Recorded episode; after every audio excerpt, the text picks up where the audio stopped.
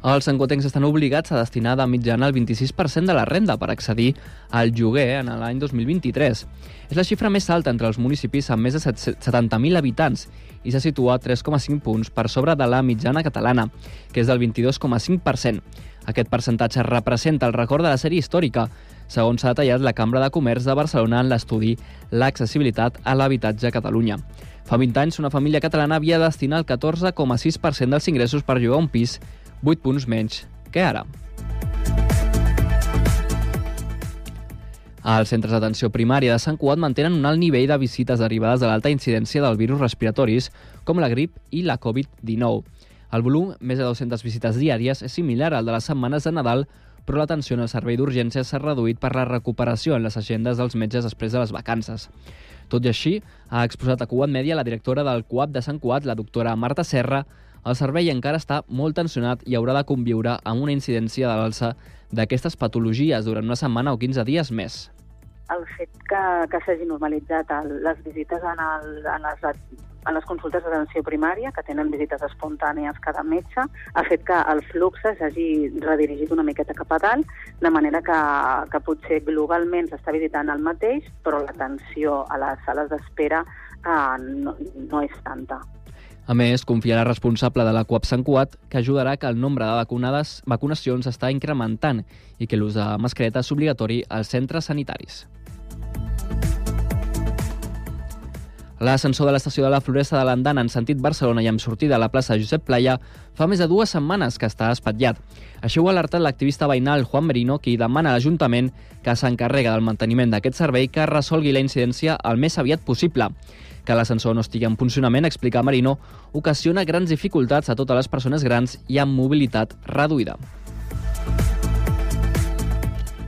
La 17a edició del concert Música per la Solidaritat organitzat per al Rotary Club Sant Cuat arriba aquest dissabte 13 de gener al Teatre Auditori, encara amb entrades disponibles. El 90% dels beneficis es destinaran en guanya a l'entitat Aliats amb l'Autisme i el grup musical Arboles Amarillos de taller Jeroni de Moragas. El 10% restant anirà destinat a la lluita contra el polio, que és el motiu constant del treball dels clubs rotaris d'arreu del món. L'actuació a les 9 a les 7 hores anirà a càrrec del grup Coldplay banda de tribut de Coldplay. Més informació al següent butlletí horari i al portal web de cugat.cat. Cugat Mèdia, la informació de referència a Sant Cugat.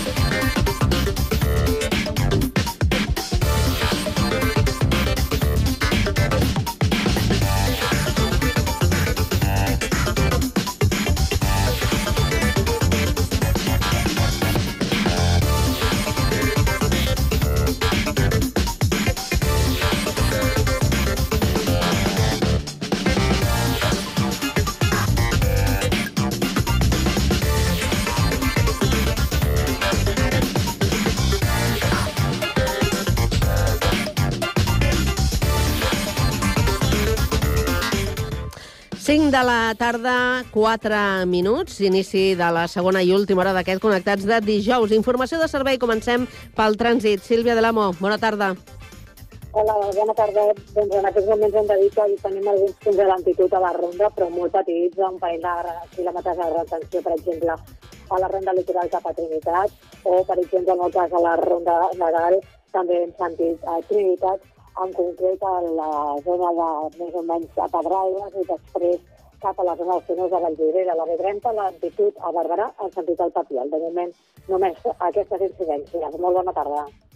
Gràcies i bona tarda, Sílvia. Anem ara fins al Transmet per saber com està funcionant el transport públic. Albert Garran, bona tarda. Doncs avui dijous, seguint la tendència d'ahir, parlem de normalitat a la xarxa de transport públic de l'àrea metropolitana. Els principals operadors de transport no han informat de cap incidència, així que les diferents línies funcionen sense cap alteració destacable, on es mantenen les freqüències i horaris habituals tant dels serveis ferroviaris com de la xarxa de bus. De moment això és tot des del Transmet.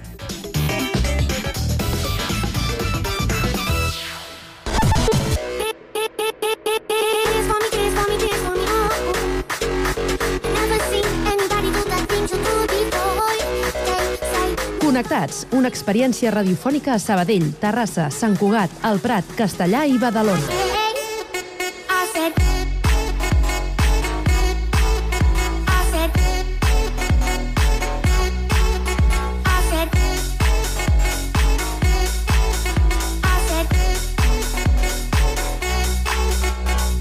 Connectats amb Carme Reverte.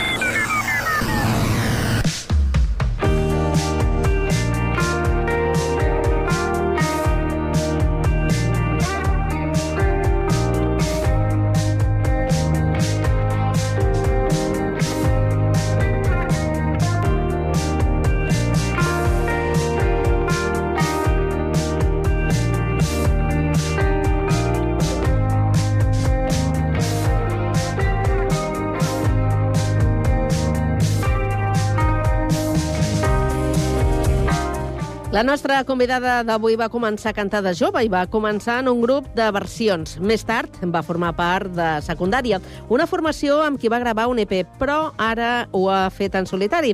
Avui passa pel Connectats la cantant i compositora garenca Lídia Mingorance. Molt bona tarda, Lídia.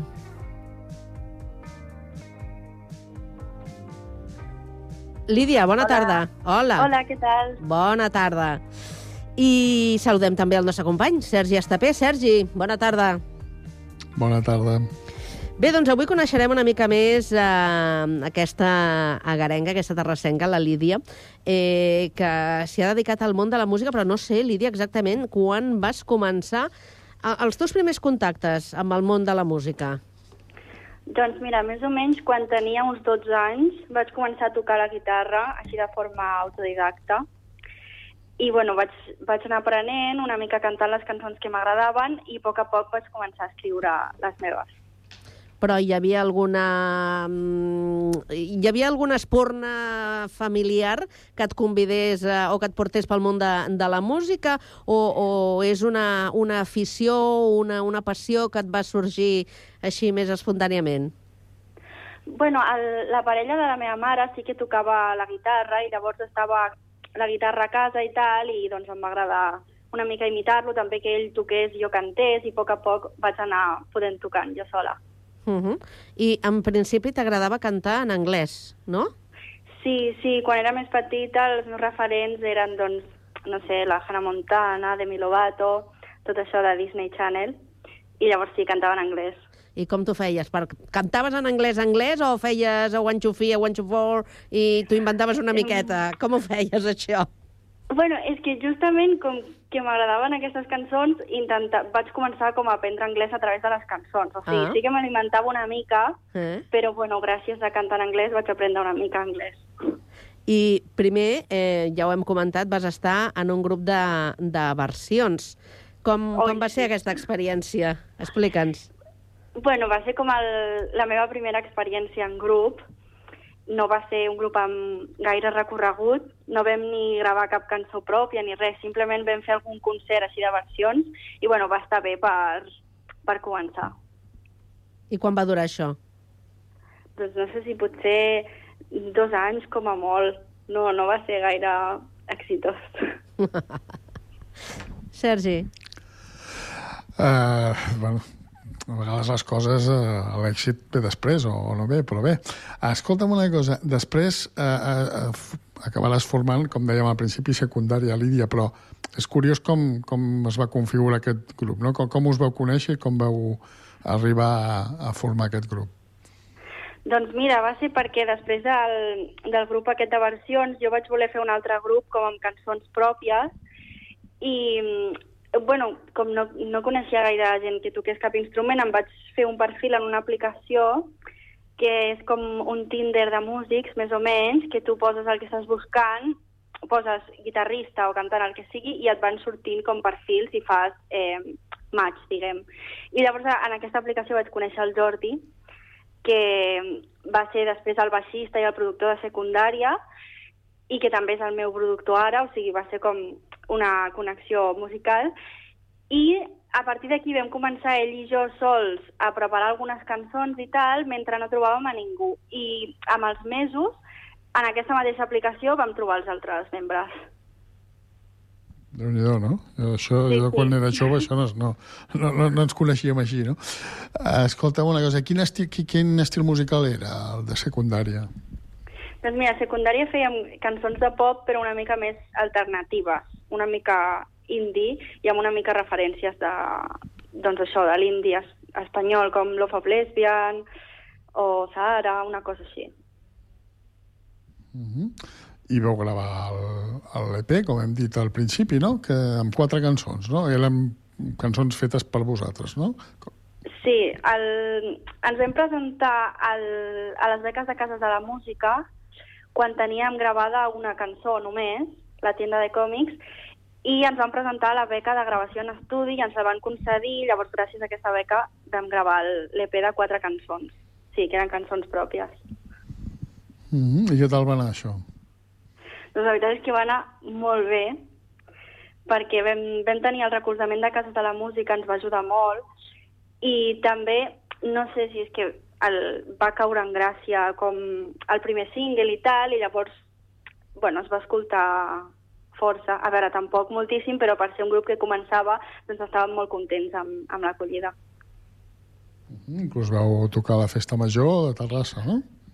Sí, sí, o sigui, és que realment va ser poc temps, però vam fer uns quants concerts, vam tocar també a Madrid, eh, a València també, a Saragossa, i, i això, i també a la Festa Major de Terrassa, al Vapor. Per això, com dius, que la cosa va anar bé, no? Arriba un moment que, que aquest projecte es va acabar, que, que és el que sobta, no? Per què? Què va passar? Com, com és que vau decidir deixar-ho? Eh, no sé si vau acabar bé, vau acabar malament, però com, com és que al final decidiu deixar-ho tenint en compte que era un grup que, que, que tirava i que, que estava fent cosetes, no? Sí, la veritat és que simplement no acabava de funcionar internament i clar, era un moment que ja havíem tret un EP, teníem alguna cançó també que volíem treure i ara el moment com de potser pensar a fer un disc, teníem idees d'això i havíem d'estar com molt segurs per seguir en el grup perquè si no era com una mica perdre el, el temps, no? I com no estàvem molt segurs de que funcionés internament, doncs vam decidir deixar-ho. I no et vas desanimar, no? Vas pensar, bueno, doncs ara em tiro jo en solitari, no? Sí, i de fet sí que vaig voler eh, seguir treballant amb el Jordi, que és la primera persona que vaig conèixer, perquè mm, bueno, ell havia produït les cançons de secundària i havia donat com un so que realment m'agradava molt i teníem algunes cançons ja fetes a mitges i doncs em feia il·lusió com seguir amb ell i per això en el meu nou projecte hi ha alguna cançó que es va quedar a mitges que l'havíem fet entre ell i jo i després cançons noves que també les ha, les ha produït. Mm, El mateix estil continues fent o has canviat, has introduït variants? Com va això? A veure, l'estil és bastant similar, però bueno, sí que, clar, en aquell moment totes les cançons sí que sonaven molt més a banda, perquè en, en totes doncs, tocàvem tots, diguem, i ara sí que n'hi ha algunes amb so de banda i altres com una mica més íntimes, que, que potser no, no haguessin estat tan presents. I t'has posat un nom, no?, com a, com a cantant en solitari. No, no ets Lídia, sinó que et dius Dulcelau. Què, què vol dir això?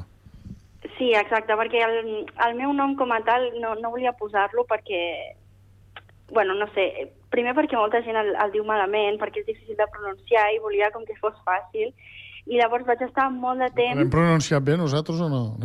Ai, no m'he fixat, jo crec que sí, sí, sí, sí. Sí, perquè si no el repetim, eh? Si no el repetim. No, no, no passa res. I, I això vaig estar molt de temps amb, ja fent les cançons, eh, produint amb el Jordi, tot això, sense encara tenir el nom, i un dia vaig dir, mira, ja està. I bueno, em vaig posar Dulce Lau perquè Laura és la meva germana, i moltes vegades ens han dit que jo sóc com la versió més dolça d'ella i ella és com la versió com més...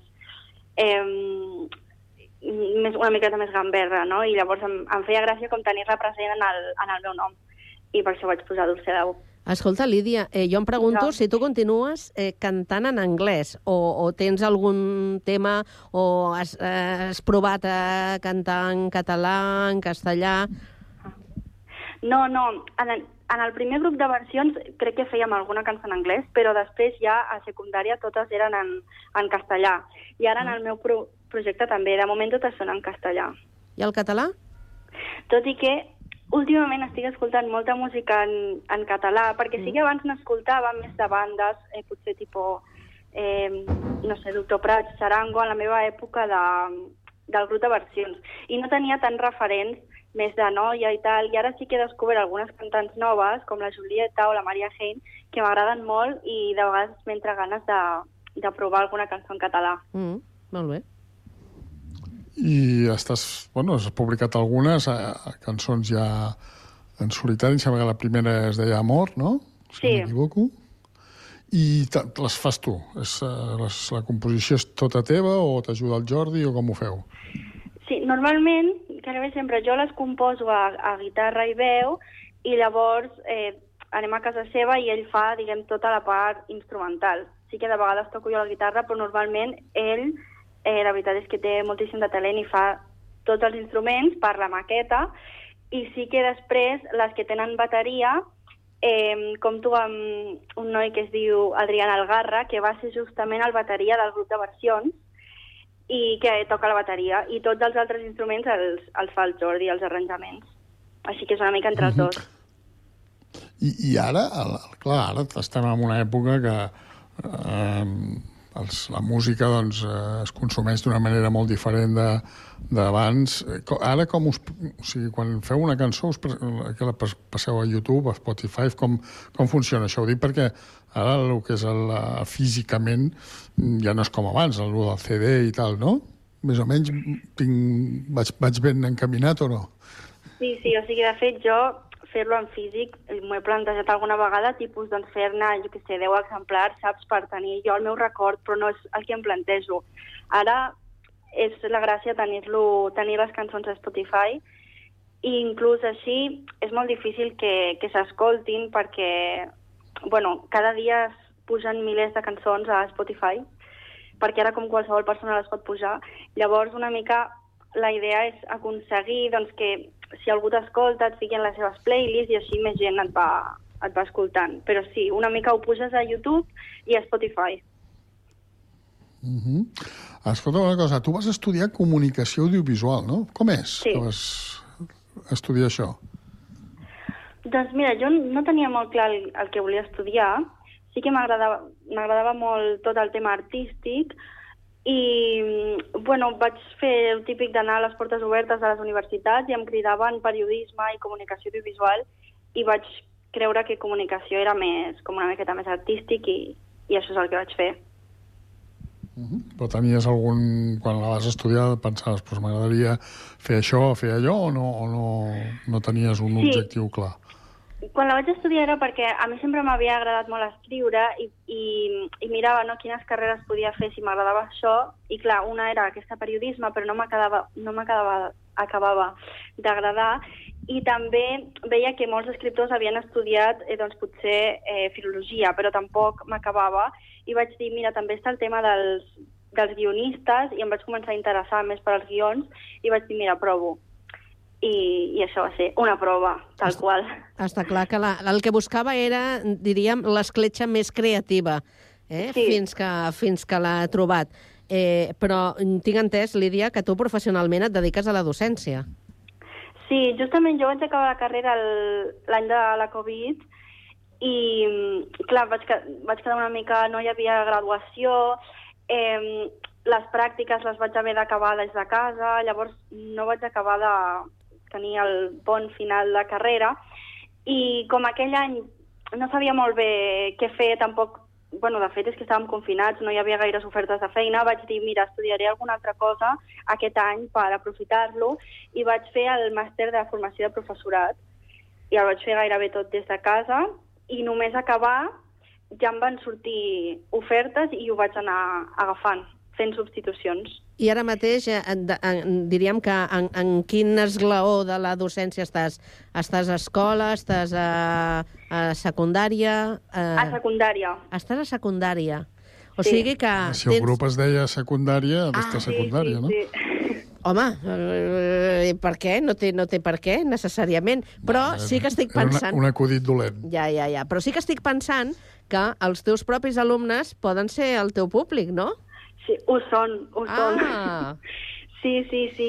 De fet, eh, a veure, no tots, però sí que els hi fa gràcia, no? O sigui, jo crec que els alumnes busquen els profes a internet i, clar, tu busques Lídia Mingorance i trobar que la teva profe de català té un grup, penja vídeos al TikTok, tal, doncs els agrada, alguns més com curiositat i després altres inclús han vingut a concerts i tot i, i són seguidors. Sí, i què, però què, què t'han dit? Quines reaccions han tingut? Bueno, a veure, jo, jo crec que més aviat els hi fa gràcia, eh? O sigui, ells, Sí. sí. ells em diuen que, que sí, que els agraden molt les cançons, tal, però, bueno, jo crec que és com, com la gràcia. Sí que hi havia un alumne que tocava la guitarra, que estava com més interessat i havia vingut a concerts i tal, i m'havia demanat fins i tot els acords de les cançons, i bueno, fa molta il·lusió, la veritat. Quin bon rotllo, eh? està bé, està bé. Eh, escolta'm una cosa, quan no treballes, quan eh, no estàs implicada amb la música, amb les teves composicions, eh, què t'agrada fer al marge de- d'aquestes dues ocupacions? Amb què t'entretens? Doncs mira, m'agrada molt dibuixar, també, tot i que va per èpoques, algunes èpoques dibuixo molt, altres no dibuixo gens. Mm. Eh, també m'agrada més es escriure tipus ficció, com relats i així. I, i no sé, estar tranquil·la a casa, la veritat, no tinc una afició molt... no sé. Però et veiem bastant creativa, eh? això sí, eh? aquesta vena creativa per la música, pel dibuix, eh? com Sí, avui m'agrada, sí. ens explicaves.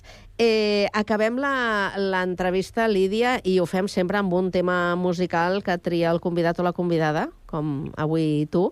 Quin, quin tema has triat i per quin motiu? Doncs mira, he triat per fer-me una mica d'autopromoció eh, l'última cançó que he tret, que es diu Mamà i Papà. Mm. I quin motiu? Per alguna raó especial? Bueno, perquè és, és l'última que he tret, la vaig treure el divendres eh, passat, crec, sí, el divendres passat, Mm. i no sé, estic bastant contenta amb, amb el resultat de la cançó. Molt bé, doncs la compartirem amb el públic. Lídia Mingorance, moltíssimes gràcies per passar aquesta tarda pel Connectats i que vagi molt bé. Moltes gràcies a vosaltres. Gràcies. Sergi, tenim una cosa pendent, ja en parlarem. Val? Una cosa pendent. Sí, sí, sí, sí, sí. No, ara t'ho explicaré, ara t'ho explicaré. Vinga. Val, val. Apa, adéu-siau, adéu. Me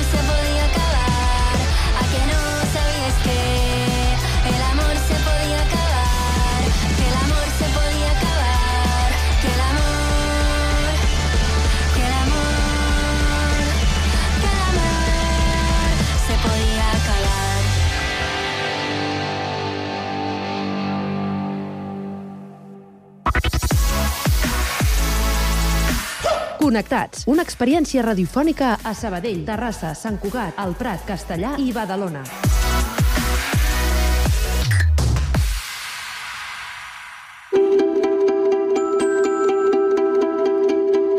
Connecta't al patrimoni.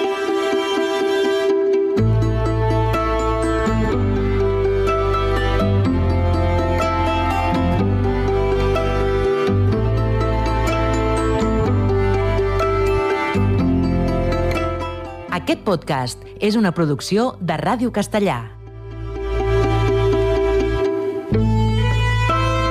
Bé, doncs avui des de Castellà del Vallès ens parlaran de la Comissió Municipal de Patrimoni i Arqueologia, que es va aprovar al ple del mes de desembre. Concretament en parlarem amb Oriol Vicente. Ell és arqueòleg, llicenciat en Història per la Universitat Autònoma de Barcelona. Ja el tenim als estudis de Ràdio Castellà amb Jaume Clapés.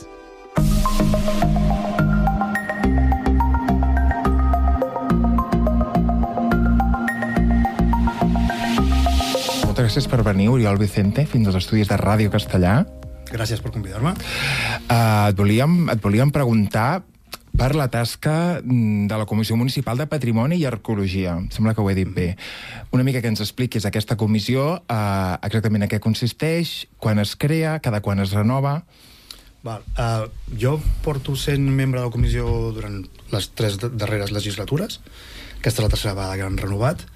En principi, la comissió és un òrgan consultiu, és d'assessorament, per totes aquelles intervencions que es vagin a nivell arquitectònic i arqueològic a castellà que modifiquin d'alguna manera o s'intervenin o facin una intervenció sobre elements que estiguin dins el catàleg patrimonial.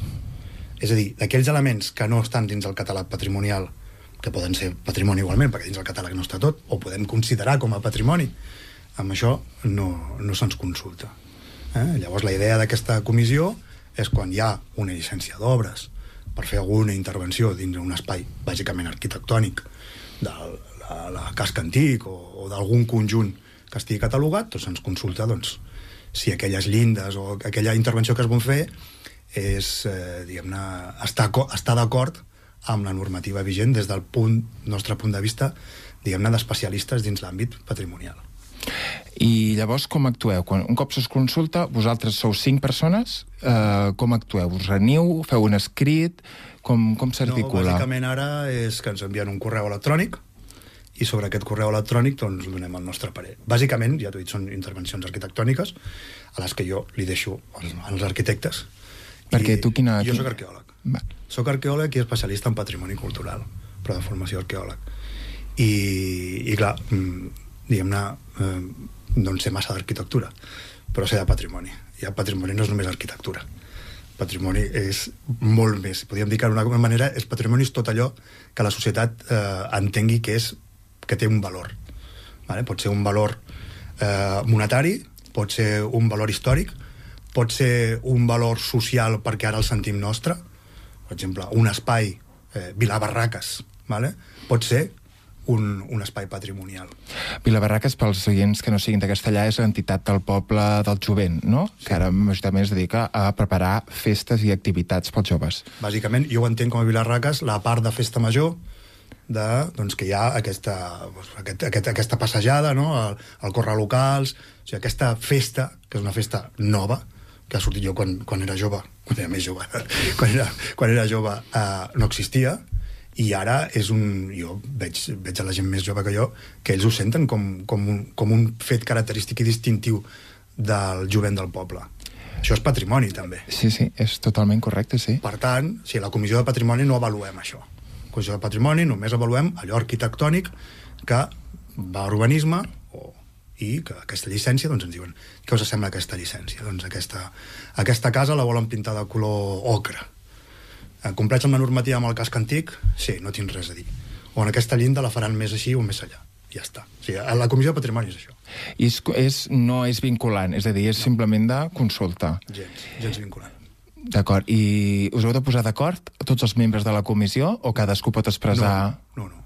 Cadascú doncs, contestem al correu, m'agrada o no m'agrada, i llavors els tècnics fan el que, el que considerin amb això. D'acord, llavors, diguem que no és, una, no és una consultoria activa. Vosaltres no, no podeu proposar coses o activament dir, resaltar alguna cosa de patrimoni o algun canvi? Um, això ha passat alguna vegada, ha passat alguna vegada, que en una reunió, de tant en tant fem reunions presencials, se m'han fet tres o quatre en aquests anys, també hi havia la Covid, eh, pel, pel mig, mm. això també també ha ajudat, i, i, i de fet vam decidir fer-ho a nivell per, per correu electrònic, però bueno, alguna vegada s'ha fet, eh, fet alguna referència, tota aquesta part, no?, sobretot aquest, aquest, aquest patrimoni més monumental, com el castell, com sobre, o com el Puig de la Creu, no? sobre fer millores en aquest, en aquest espai de, del Puig de la Creu. I, bueno, no... no, no ha passat res. Diguem-ne, tu pots fer la proposta, però després, doncs, que nosaltres fem una proposta no vol dir que aquestes es duguin a terme. Concret, mm, recordo d'una proposta en el Puig de la Creu, que és aquest, eh, aquest, diguem-ne, aquest entorn monumental que tenim aquí a Castellà, eh, que ara s'està reformant, i, i, i es va proposar doncs, que, que, que es facilités l'accés a la informació sobre què és el Puig de la Creus, què ha significat i d'on surt, que es uns panells i... No, jo, jo no, he tornat, no, no he tingut resposta. Bàsicament crec que és perquè la comissió és una comissió purament d'assessoria a nivell arquitectònic i de llicències del que es va construir i ja està no hi ha no, no, no té la, la funció de ser mm, d'anar més enllà amb, la, amb el fet de dir bueno, anem, que, quin tipus de patrimoni volem a Castellà no? O què podem fer per millorar aquest patrimoni integral de Castellà o per salvaguardar-lo salvaguardar d'una manera més, més íntegra no? simplement és, és consultiva És consultiva. I quin, a part, eh, estàs dient que està molt centrat, en aquest cas, en l'arquitectura. Per tu, quins aspectes hi faltarien, a part de l'arquitectura? Home, primer, que no només sigui arquitectònic, sinó que també sigui paisatgístic. L'arquitectura i no s'entén sense el seu entorn, ja sigui un entorn urbà o sigui un entorn rural. Eh? Llavors, aquest paisatge urbà també té molt a veure. Quan tu mm, modifiques una casa i està en un casc antic, però llavors en aquest casc antic hi fiques uns panots supermoderns, tot i que has volgut intentar que la, que la casa conservi una part antiga, doncs no, no casa. No? A nosaltres no ens, no ens pregunten aquests panots que posarem al carrer de la mina, per exemple, eh, per dir un això, seran d'aquesta manera o d'aquesta altra. Llavors, tota aquesta, diguem-ne, tota aquesta reflexió més integral, jo crec que és la que manca i la que podria ser, que estaria molt bé. Estaria molt bé, perquè hi ha gent que, que ja fa anys que volem participar i que estem a darrere de, de, del patrimoni castellarenc, no? I, però bueno, s'ha quedat en un espai tècnic i consultiu. I eh, pel teu punt de vista, a nivell patrimonial, què destacaries de Castellà? Ja ens has dit, per exemple, doncs el col·lectiu Vilabarraques i, i no, el Correu Locals i el Vilabarraques. Hi ha altres aspectes de patrimoni que tu destacaries? Quins serien per tu els més destacats de Castellà? Sí, sí. De qualsevol tipus. Sí, sí, perquè clar, hi ha tota la part doncs, de, de arquitectònica, de monuments, diguem-ne, de, de, de, de grans edificis, com el Castell de Clascarí, el Puig de la Creu. Vale? Ara, ara hi ha tota una gent que ha estat movent molt tota la part de, de Joan Oliver, de Pere IV, d'acord? I, i s'ha fet un gran estudi al voltant, al voltant d'això. És, un, un, és un actiu a nivell, a nivell patrimonial, en aquest cas eh, un patrimoni literari, si vols, no? però que té moltes variables també amb el paisatge i té moltes variables amb, amb, amb l'arquitectura, no? Eh, eh, el, o, o l'itinerari que es vam fer fa uns anys, l'itinerari Arús, que precisament estava molt enfocat cap a paisatge, que vam fer un itinerari, però ja ha desaparegut perquè ningú l'ha mantingut, d'acord? Um, hi ha tota la part de patrimoni, diguem-ne, immaterial, que jo crec que és, mm, és interessantíssim i que té molta vinculació amb, amb, amb, amb com tenim el poble que tenim ara, tot aquest matri, patrimoni social que ve de la industrialització? Aquest patrimoni material que és una nova tècnica, en aquest cas doncs, per, fer, per fer roba, per, fer, per, per teixir d'una forma mm, diferent, que modifica fins a la mèdula l'espai urbà i l'espai social de Castellà i del que som totalment hereves, no? Llavors, tota aquesta part que, que, que s'ha estudiat, que ja està, no, no, no està fixada en el, en el territori. Tu, tu surts d'aquí i bueno, doncs, doncs tenim la, la, eh, can, eh, la Tolrà i tots sabem com està. Eh, ens, ens hem gastat molts diners en moltes coses i potser no es pot comprar la Tolrà, però no sé, és tot, tot un entorn que de cara al riu, i ara que s'està parlant de recuperar el riu, doncs que també s'hauria de recuperar. Can Barba, el molí de Can Barba, que també s'està enfonsant, i que té molt a veure amb, amb el naixement precisament de la industrialització que Castellà. I Castellà va ser potser el, lloc, eh, el primer lloc d'industrialització a nivell del Vallès. Perquè teníem un riu que no tenien a, Sabadell. Aquí tenim un riu que ve amb molta força, per tant, té, té molt poder per fer anar les, les turbines dels, dels molins, no? les aspes dels molins, i aquí teníem molts molins ja d'època medieval que després es van convertir en industrials, no?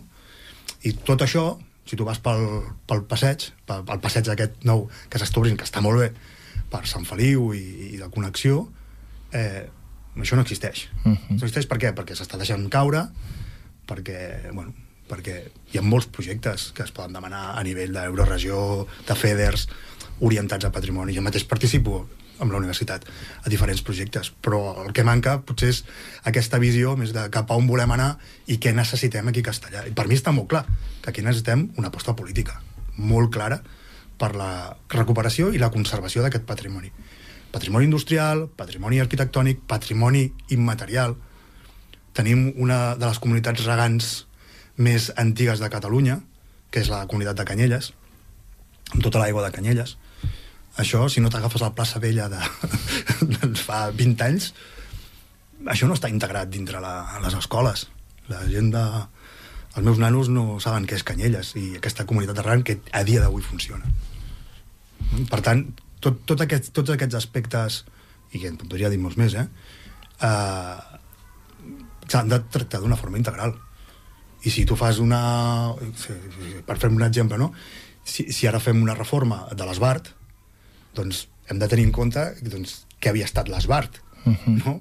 I quina funció té ara, no? I, o, o, o la biblioteca, no? Que també va tenir una funció molt important a nivell històric, no? Com a, com a sindicat agrícola. Molta, molta història, però que queda amagada i que a poc a poc ens l'anem perdent. Anem perdent aquells llocs que, que, que estan fixats en el, en el, en el nostre entorn, no? S'ha posat la... Està molt bé l'estàtua de l'Estavet. S'ha recuperat l'estàtua de l'Estavet. Perfecte. No l'hauríem d'haver perdut. Per si la, en primera instància. Vale? I no l'hauríem d'haver perdut per una negligència o perquè ara no, no toca. No, ja la van, sembla que la van robar, no? Però hi ha moltes coses que hem anat perdut, que, que hem anat perdent, però hem anat perdent perquè ningú se n'ha fet càrrec. I per mi està molt clar que s'ha de fer càrrec això pues, és el consistori, és l'Ajuntament. A través de, de, de, la, de, la, de, de, de, pues, de regidories, d'associacions, si vols, no? a través del centre d'estudis, vam intentar-ho durant, durant molt de temps, però arribem on arribem. Aquí el que necessitem és el, una aposta forta, que hi hagi sí, una, una regidoria on que tinguin un tècnic de patrimoni, que igual que tenen a, a, a Palau, a Palau Solità, que és molt més petit que Castellà, i hi ha una tècnica de patrimoni que, que es dedica i que té, un, que té una, uns recursos, no?, precisament per, per fer tot això. Després hi ha tot el que són les llicències d'obres i tota la part més urbanística. Però, clar, hi ha tot un patrimoni que ens els estem deixant perdre. És curiós perquè ara parles d'això, no? de tot el, de, la, de la indústria tèxtil de Castellà, que jo quan el veu algú de fora, d'alguna manera els explico, perquè jo vaig anar a la Mili Carles Tolrà i els expliques una mica tota aquesta història de la família Tolrà, perquè tot és Tolrà, perquè l'arquitectura Tolrà és semblant, els expliques també no, la gran indústria tèxtil del riu, que va ser quan va començar a créixer Castellà, i clar, i ara hi penso, dic, bueno, això ho explico jo oral, que m'ho han explicat a mi oral, però si aquesta gent no arribés a Castellà a través meu, que passa per aquí, o, o que ve a viure a castellà mmm, no pot anar a cap lloc, o sigui, no, aquesta informació accessible, tangible en algun lloc, és veritat que no, que no és existeix. Difícil. Abans, nosaltres hi ha una sèrie de publicacions que en principi estan a la biblioteca, que s'ha intentat que estiguin a les escoles, s'ha intentat que també el centre d'estudis, l'antic arxiu d'història, doncs estigui obert i la bibliografia estigui accessible, però s'ha intentat, però els recursos són els que són. Aviam, si tu no tens personal treballant per això, per obrir i tancar, per molt que tinguis els llocs, mm -hmm. per molt que tinguis allà els, els llibres, o per molt que els col·loquis a internet, si... Bueno, no sé, és que en, en els projectes europeus en els que participo es veu claríssimament. El patrimoni és allò que la gent, realment que la gent s'ho sent seu. I, i nosaltres, com a, diguem-ne, uh, com a tècnics de, de, de patrimoni o com a, o com a tècnics diguem-ne que, que, ens, que ens dediquem a divulgar i a preservar aquest patrimoni el que hem de fer és fer-lo més accessible possible a, a, la, a la ciutadania i per mi el més accessible possible és que tu quan surtis de casa t'ho trobis clar hem d'anar acabant l'entrevista. No tenim més temps. Moltes gràcies per venir, per explicar-nos, per ser tan crític també amb la situació del patrimoni, per obrir-nos, almenys en el meu cas, no era tan coneixedor d'aquestes mancances. Només puc fer que agrair-te per, per, per aquesta visió i suposo que tots els oients també també ho faran. Gràcies, Jaume.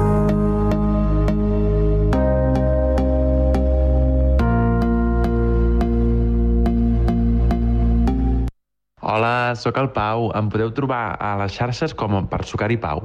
I us recomano la cançó Botifarra, de Germà Negre, perquè és que Germà Negre no pot faltar a cap festa. Salut! També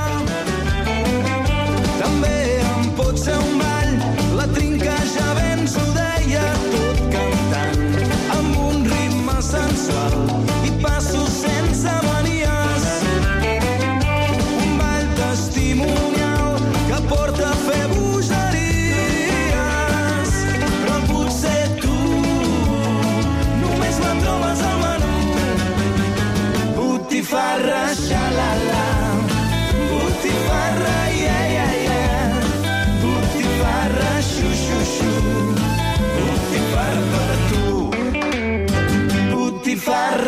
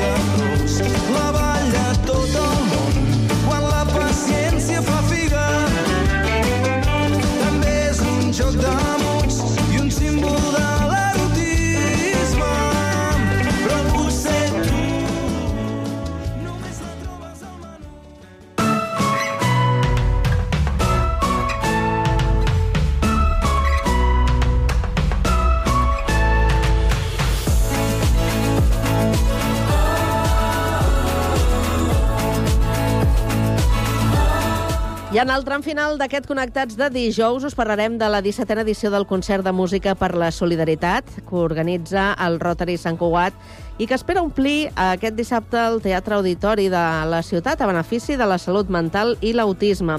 Per conèixer els detalls d'aquesta nova cita amb la solidaritat i la música, ens acompanya avui la Maria Eugènia Orenga, que és rotària, farmacèutica i, a més, l'encarregada d'aquest concert. Molt bona tarda, com estàs? Molt bé, molt bona tarda. Encarregada d'organitzar eh, tot aquest xarau, perquè això és una empresa complicada, no? Sí, sí, ha sigut molt complicat i aquest any ho hem fet amb un temps rècord de tres mesos, com aquell qui diu. Tres mesos de, de feina. Sí, eh, intensa perquè en tres mesos hem tingut que decidir les entitats beneficiàries d'aquest any, localitzar els artistes, eh, trobar una data que els hi anés bé als artistes i al Teatre Auditori i, i bueno, amb aquest còctel ens posem a treballar. Déu-n'hi-do.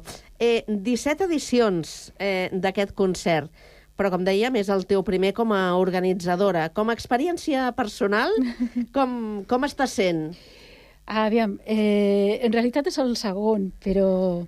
però Perquè el primer el vas fer acompanyada de, de la Montse? Eh, bueno, sempre he tingut la Montse al costat per Sí. sí. donar-me suport, però bueno, l'any passat també liderava jo. Uh -huh. Però bueno, aquest any ha sigut molt més fort perquè està concentrat amb el temps. Eh, esperem que bueno, omplir el teatre. La veritat que aquest any el grup escollit eh, té un bon poder de convocatòria Mm. I, i bueno, esperem que realment Ho, complir. però ho teniu ja tot a punt? Sí, en aquest moment ja està tot a punt. Eh, entrades... Eh, Queden, queden entrades? Ara mateix queden unes 200 per vendre. I la previsió que vosaltres heu fet, el que us agradaria assolir? Bueno, el que volíem assolir, que eren unes 600, ja està assolit. Però el Teatre Auditori té un 900, 900 seients, així que encara hi caben uns 200 i pico més. Uh -huh. eh, tu parlaves de, del concert i la veritat és que eh, té molt bona pinta Uh -huh. perquè es tracta del concert del grup eh, Cold Day, sí. que és una banda tribut de Coldplay. Sí, és un tribut oficial de Coldplay, o sigui, estan reconeguts. Eh, Cold Day, el tribut, està omplint els teatres allà o les sales de, de ball on actua. Eh, imiten perfectament l'escenografia, el vestuari, eh, les cançons, així que eh, Estarà, la, estarà la gent animat, eh? Estarà animat el concert. Sí, jo crec que tothom s'aixecarà, ballarà, eh, allà on van animen molt, eh, ho fan molt bé. Això voldrà dir que, que és un èxit la, la tria que heu fet. Sí, Eh? jo crec que sí, que aquest any hem fet un canvi, hem passat de fer coses més clàssiques a, a un grup més modern i, i sí, hi ha, hi ha més gent animada. Uh, no sé si podem escoltar una mica aquesta, aquesta banda per fer-nos una idea. No escoltarem uh, la banda en un concert, sinó que els escoltarem en composicions més, més pròpies, o sigui, no seran temes de, de Coldplay. Però sí que podem escoltar una mica com sonen. Vinga.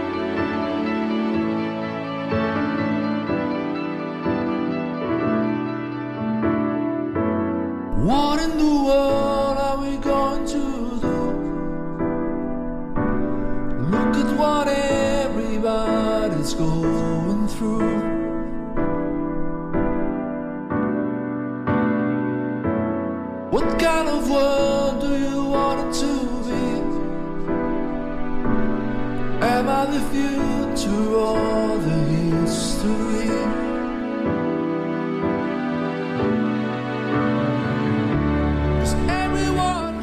Home, la veritat és que sona molt bé i Mhm. hem de dir que en directe els músics Mhm. encara sonen molt millor. Sí, sí, Normalment. Sí. Ens imaginem el Teatre Auditori amb aquesta bona entrada que, que preveieu Mhm. tocant temes de Coldplay. Exacte. Que són super reconeguts. Mm, Repeteixen el, el, el concert que Coldplay feia fa, fa uns anys, eh, amb fil per randa, o sigui, amb el mateix joc de llums, el, el Sí que mateix so... tot superpreparat, no? Sí, sí, se, semblarà que estem a Coldplay. Vinga, com que jo crec que la gent encara es poden animar, els que no tinguin res a fer el dissabte. Dissabte, dissabte. Dissabte a les 7 de la tarda? Sí, a les 7 de la tarda és començar el concert pròpiament dit. Ahà. Però a les 6 de la tarda eh, tenim preparat una copa de cava per qui vulgui venir abans i, a més, eh, Árboles Amarillos, que és un grup beneficiari del concert, eh, estaran allà tocant de 6 a 7. Ah, sí? Amb la qual podrem sentir els, els beneficiaris del concert, que és aquest grup musical pel qual destinem recursos. Mira, aprofitem, Sí. Maria Eugènia, aprofitem i ens expliques eh, qui són eh, aquest, eh, aquest grup. És un dels beneficiaris, n'hi ha un altre que també en parlarem ara. Molt bé. Doncs Árboles Amarillos és un grup de, de cantants i músics que han sortit del taller Geroni de Moragas i acompanyats amb, amb els seus professors i psicòlegs doncs van fent concerts per ahí. Eh, S'ho passen molt bé, socialitzen i és una manera que tenen a, a aquestes persones doncs de, de sortir al món, relacionar-se, passar-s'ho bé, integrar-se amb Mhm. tots. Hem de dir, per aquells que no ho sàpiguen, Sí. que el taller Geroni de Moragas s'ocupa de persones amb una certa discapacitat. Ah, exacte. Sí. Eh, aquests són un dels beneficiaris. Sí. Els altres eh, és una entitat. Sí, és, la entitat es diu Aliats amb l'Autisme. Eh, doncs és una entitat que ha nascut fa poc, un any i pico, dos, que està aquí a Sant Cugat Mm. i que es dedica a donar suport a, a nens i les seves famílies que tenen autisme. Perquè eh, bueno, són una mica incompresos per la societat i necessiten pues, que, que l'entorn es posi a la seva mida tant l'entorn escolar com familiar com social perquè ens hi trobin a gust i pugui sortir el seu potencial. Mhm.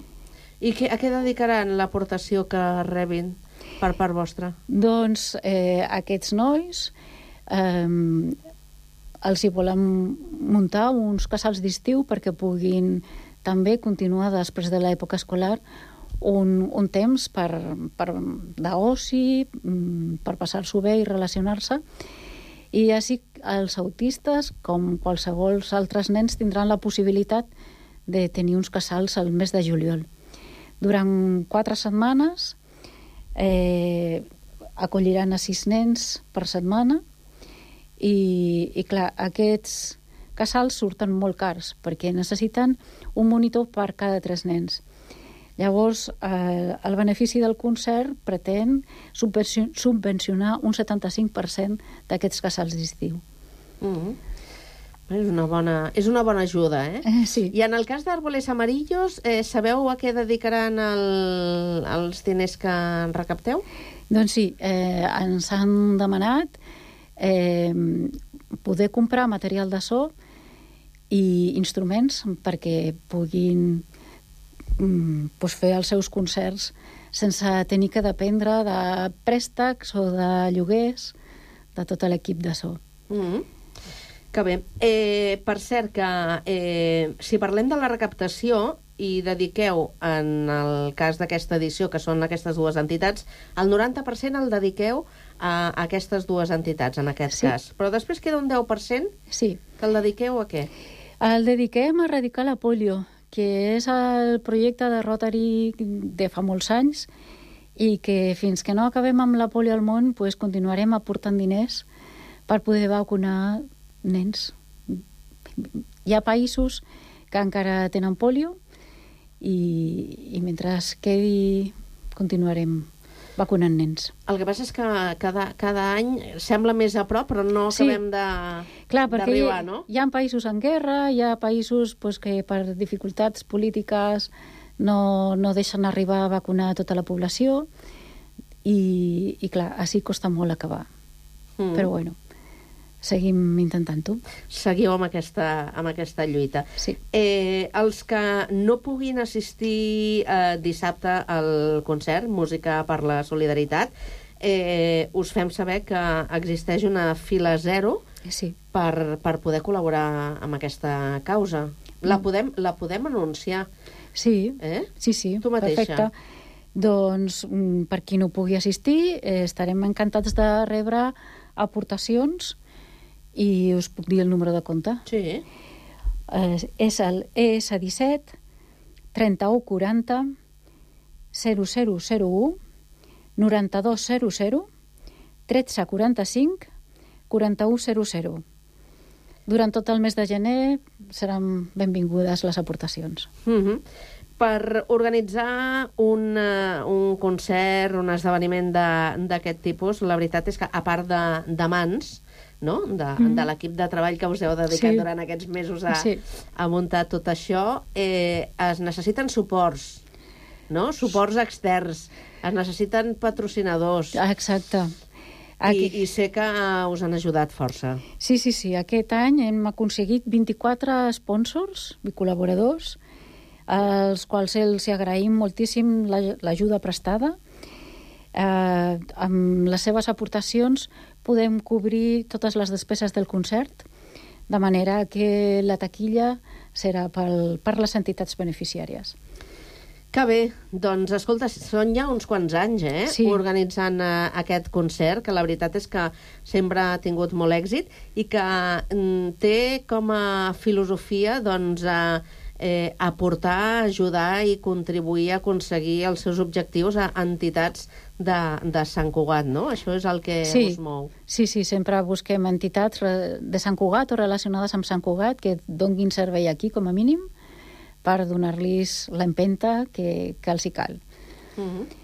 Doncs ara falta que el públic eh, hi participi, que vulgui passar una bona estona amb Mhm. aquest eh, concert dissabte al Teatre Auditori i que, bueno, que tot surti fantàsticament bé, Exacte. que ho pugueu, ho pugueu celebrar i amb aquesta contribució tan aliats amb l'autisme com Árboles eh, Amarillos puguin doncs, eh, millorar la, les seves eh, prestacions, la seva situació. Maria Eugènia, doncs moltíssimes gràcies per passar pel, pel Connectats. Encantada de venir si, per aquí. Si et sembla, acabarem amb més música d'aquesta banda oficial, banda tributa Coldplay, que són els Cold Day.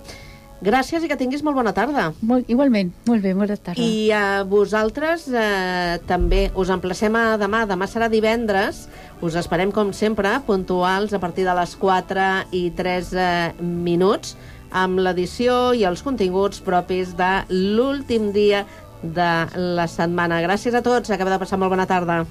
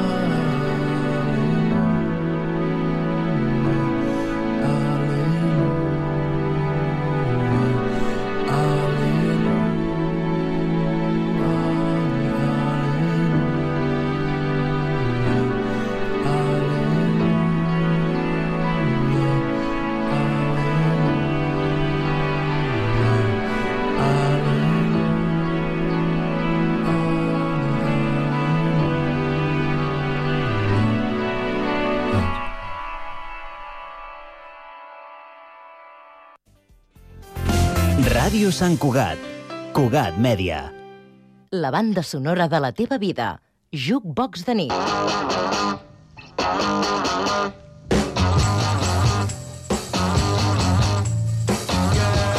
You really got me going. You got me so I don't know what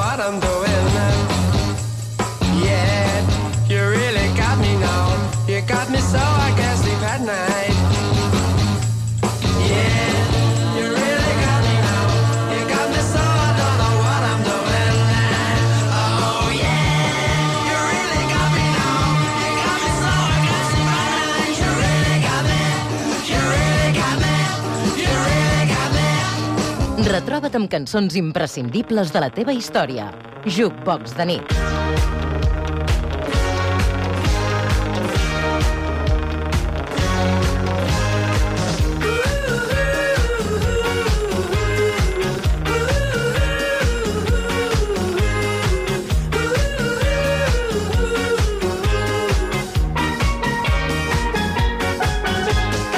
Fes la teva elecció a Jukebox de nit. Musicals arroba cugat.cat.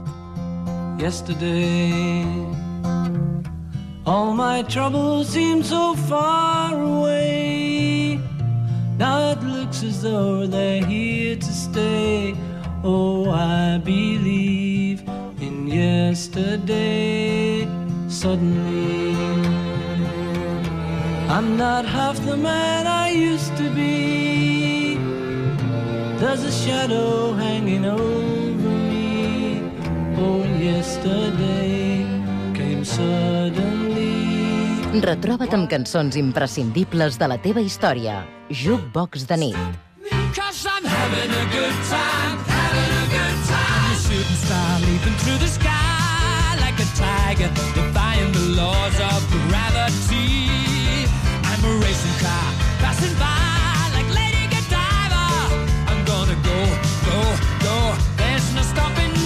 La banda sonora de la teva vida. Jukebox de nit.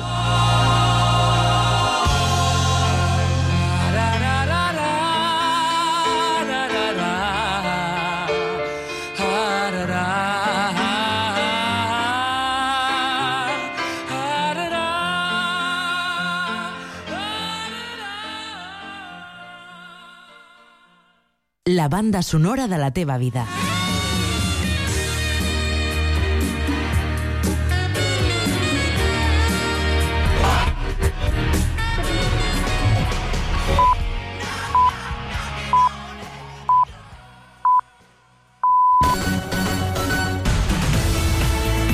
Radio San